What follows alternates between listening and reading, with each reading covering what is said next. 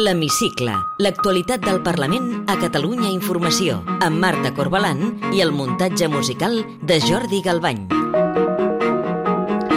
S'acaba el temps i Catalunya encara no té pressupostos. Després d'una vintena de reunions i mesos de negociacions, el govern i el PSC han estat incapaços per ara d'arribar a un acord.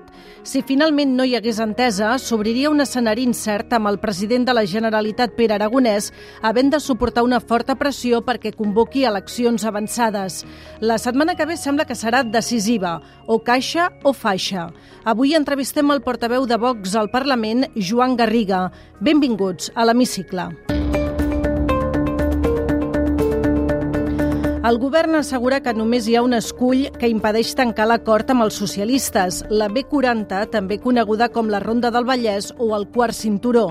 El PSC vol que la Generalitat subscrigui amb el govern espanyol en el termini de dos mesos el conveni per executar les obres de la Ronda per unir Sabadell i Terrassa. Esquerra, però, creu que aquesta infraestructura és un model caduc que no encaixa amb el projecte de mobilitat sostenible que defensen. Amb les eleccions municipals a la vista, cap dels dos partits vol cedir en aquesta qüestió i, per tant, es fa molt difícil salvar aquest escull. El líder del PSC, Salvador Illa, dubta que el govern tingui voluntat d'aprovar els pressupostos. Voluntat d'arribar a un acord sempre n'hi ha hagut per part del PSC en matèria de pressupostos. De fet, va ser l'agost de l'any passat que ja ens vam oferir el que el que no sé si aquesta voluntat també és per part, i és per part del govern de Catalunya.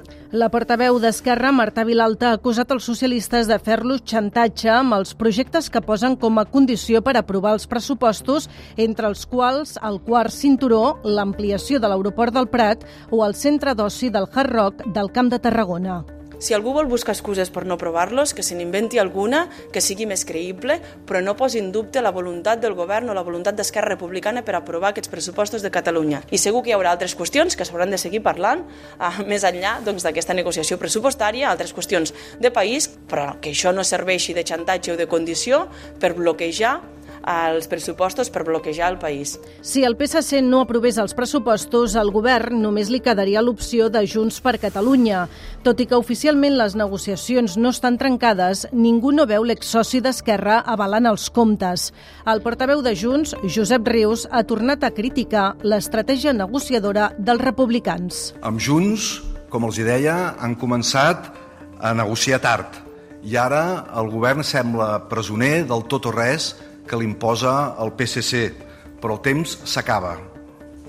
Aragonès ha de triar entre uns pressupostos per fer avançar el país o uns pressupostos per fer retrocedir el país, pactant-los, en aquest cas, en el PSC.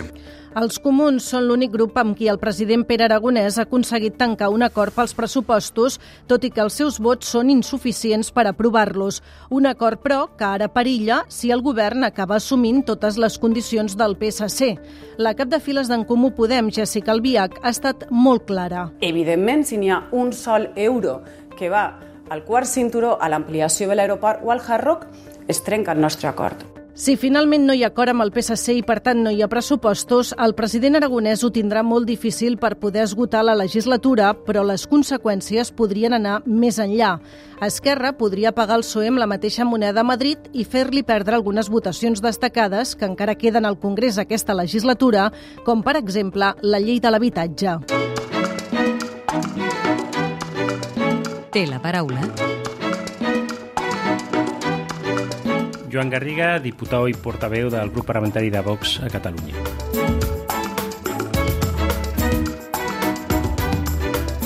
Aquesta setmana Vox ha estat al centre del debat públic amb el polèmic protocol del govern de Castella i Lleó sobre els avortaments. Un protocol que, entre altres mesures, pretén que el metge ofereixi a la dona l'opció de sentir el batec del fetus i veure també una ecografia en quatre dimensions abans d'avortar. Què pretenen amb això? Que les dones canvin d'opinió i no interrompin l'embràs?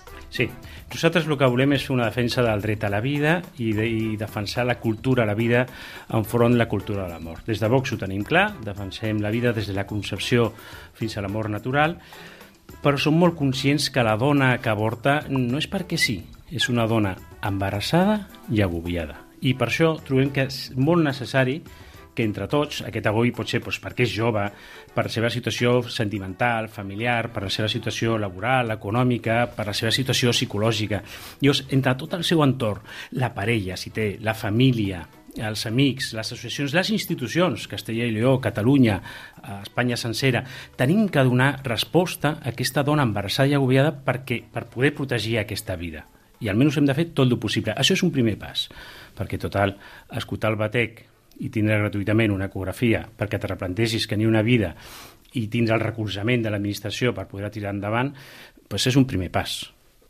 Vostè eh, personalment veu bé que els metges hagin d'aplicar protocols que han fet eh, els polítics i no han estat avalats pels experts? I aquest és el cas?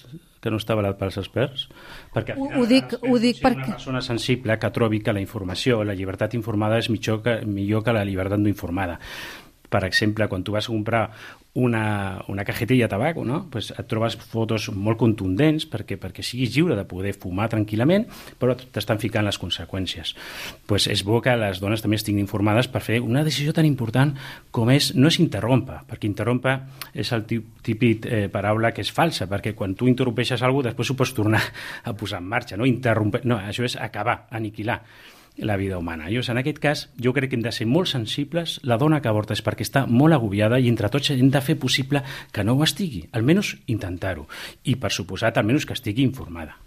Li he fet la pregunta d'abans eh, pel fet que totes les societats eh, científiques especialitzades en ginecologia i obstetrícia desaconsellen les ecografies que permeten sentir el batec fatal abans de la setmana 11 de l'embràs per raons de seguretat a l'embrió i, en canvi, el protocol que vostès plantegen a Castella i Lleó eh, proposa fer aquestes ecografies entre les setmanes 6 i 9. Per això li deia si veu bé un protocol que no han fet eh, els experts, les autoritats sanitàries fa gràcia que els experts sanitaris i tal eh, puguin protegir tant la vida però eh, tirin endavant l'avortament, que al final s'acaba amb la vida, amb tots els mètodes que n'hi ha, o quirúrgic o farmacològic. Jo, si ets tan sensible, pues, suposo que estan en contra de l'avortament, aquests experts sanitaris no? perquè si volen protegir tant la vida que qualsevol circumstància externa com una ecografia li pugui perjudicar i us recomanen no fer-ho per no perjudicar aquesta vida, suposo que aquests experts estan en contra també de l'avortament.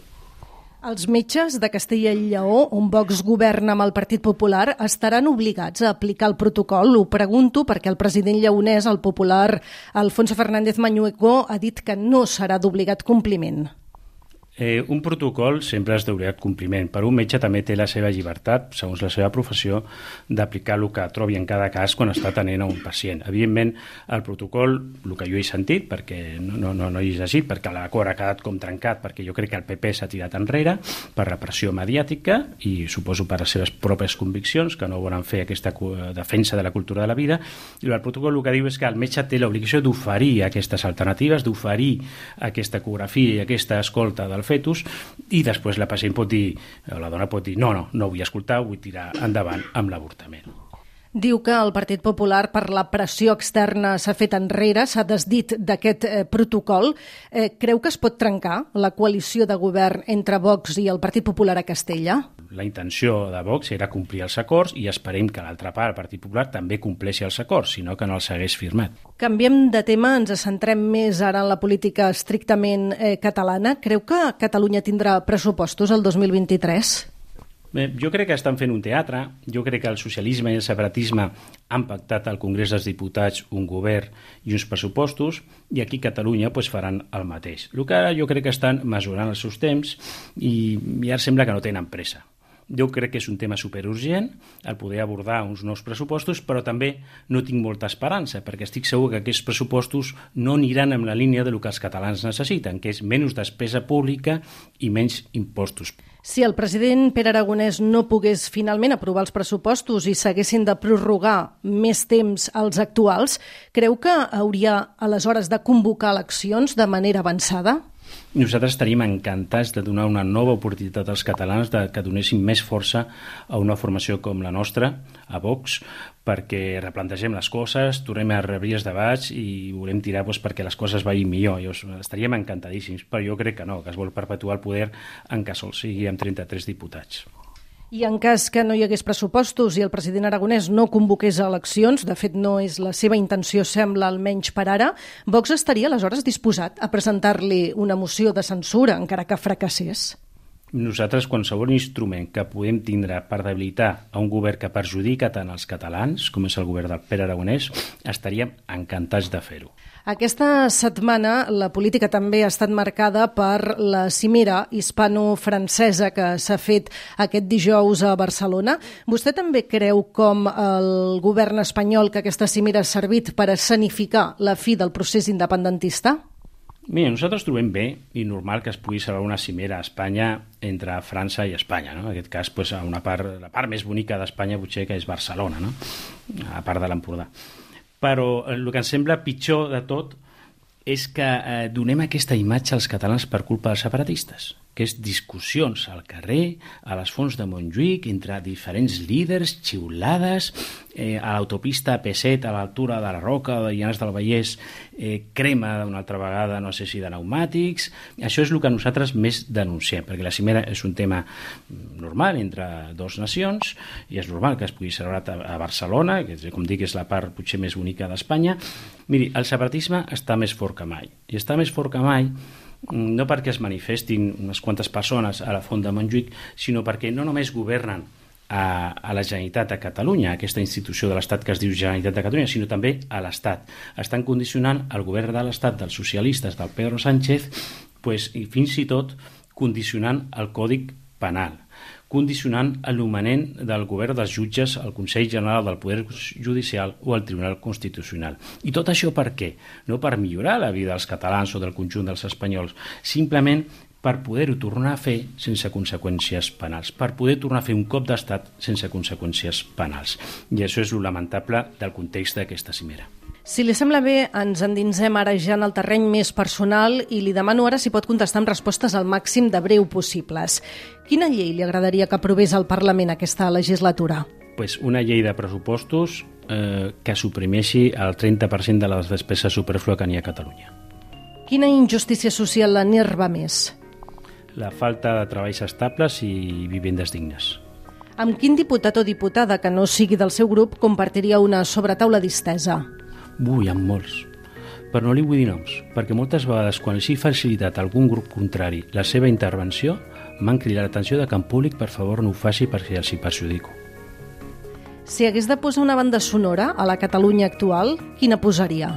Una de terror. En la política tot s'hi val? Jo crec que no, que els principis personals sempre es tenen que aportar i tenen que inspirar qualsevol activitat familiar, política i social. Té alguna mania que pugui confessar? Soc radioaddicte de totes les ràdios, és una mania d'aixecar-me amb la ràdio, amb la ràdio caminant, no dic en moto perquè em posaré una multa, acostar-me amb la ràdio, sempre faig una ronda a Catalunya Informació i la meva dona la tinc desesperada, és una mania escoltar tot el dia la ràdio. Té algun paisatge favorit? Crec que abans hem fet un avançament amb l'Empordà. L'Empordanet, en concret, l'Empordanet. Tot el que és eh, eh, Calella, Llafranc, eh, Pals, eh, Montràs, eh, Vallobrega, tota aquella zona, Palamós, La Fosca, totes les cales, els camins, les gavarres... I ja per acabar, completi la frase següent. El que més m'agradaria del món és... Morir en pau. Joan Garriga, portaveu de Vox al Parlament, gràcies per atendre'ns a l'hemicicle de Catalunya Informació. Moltes gràcies a vosaltres.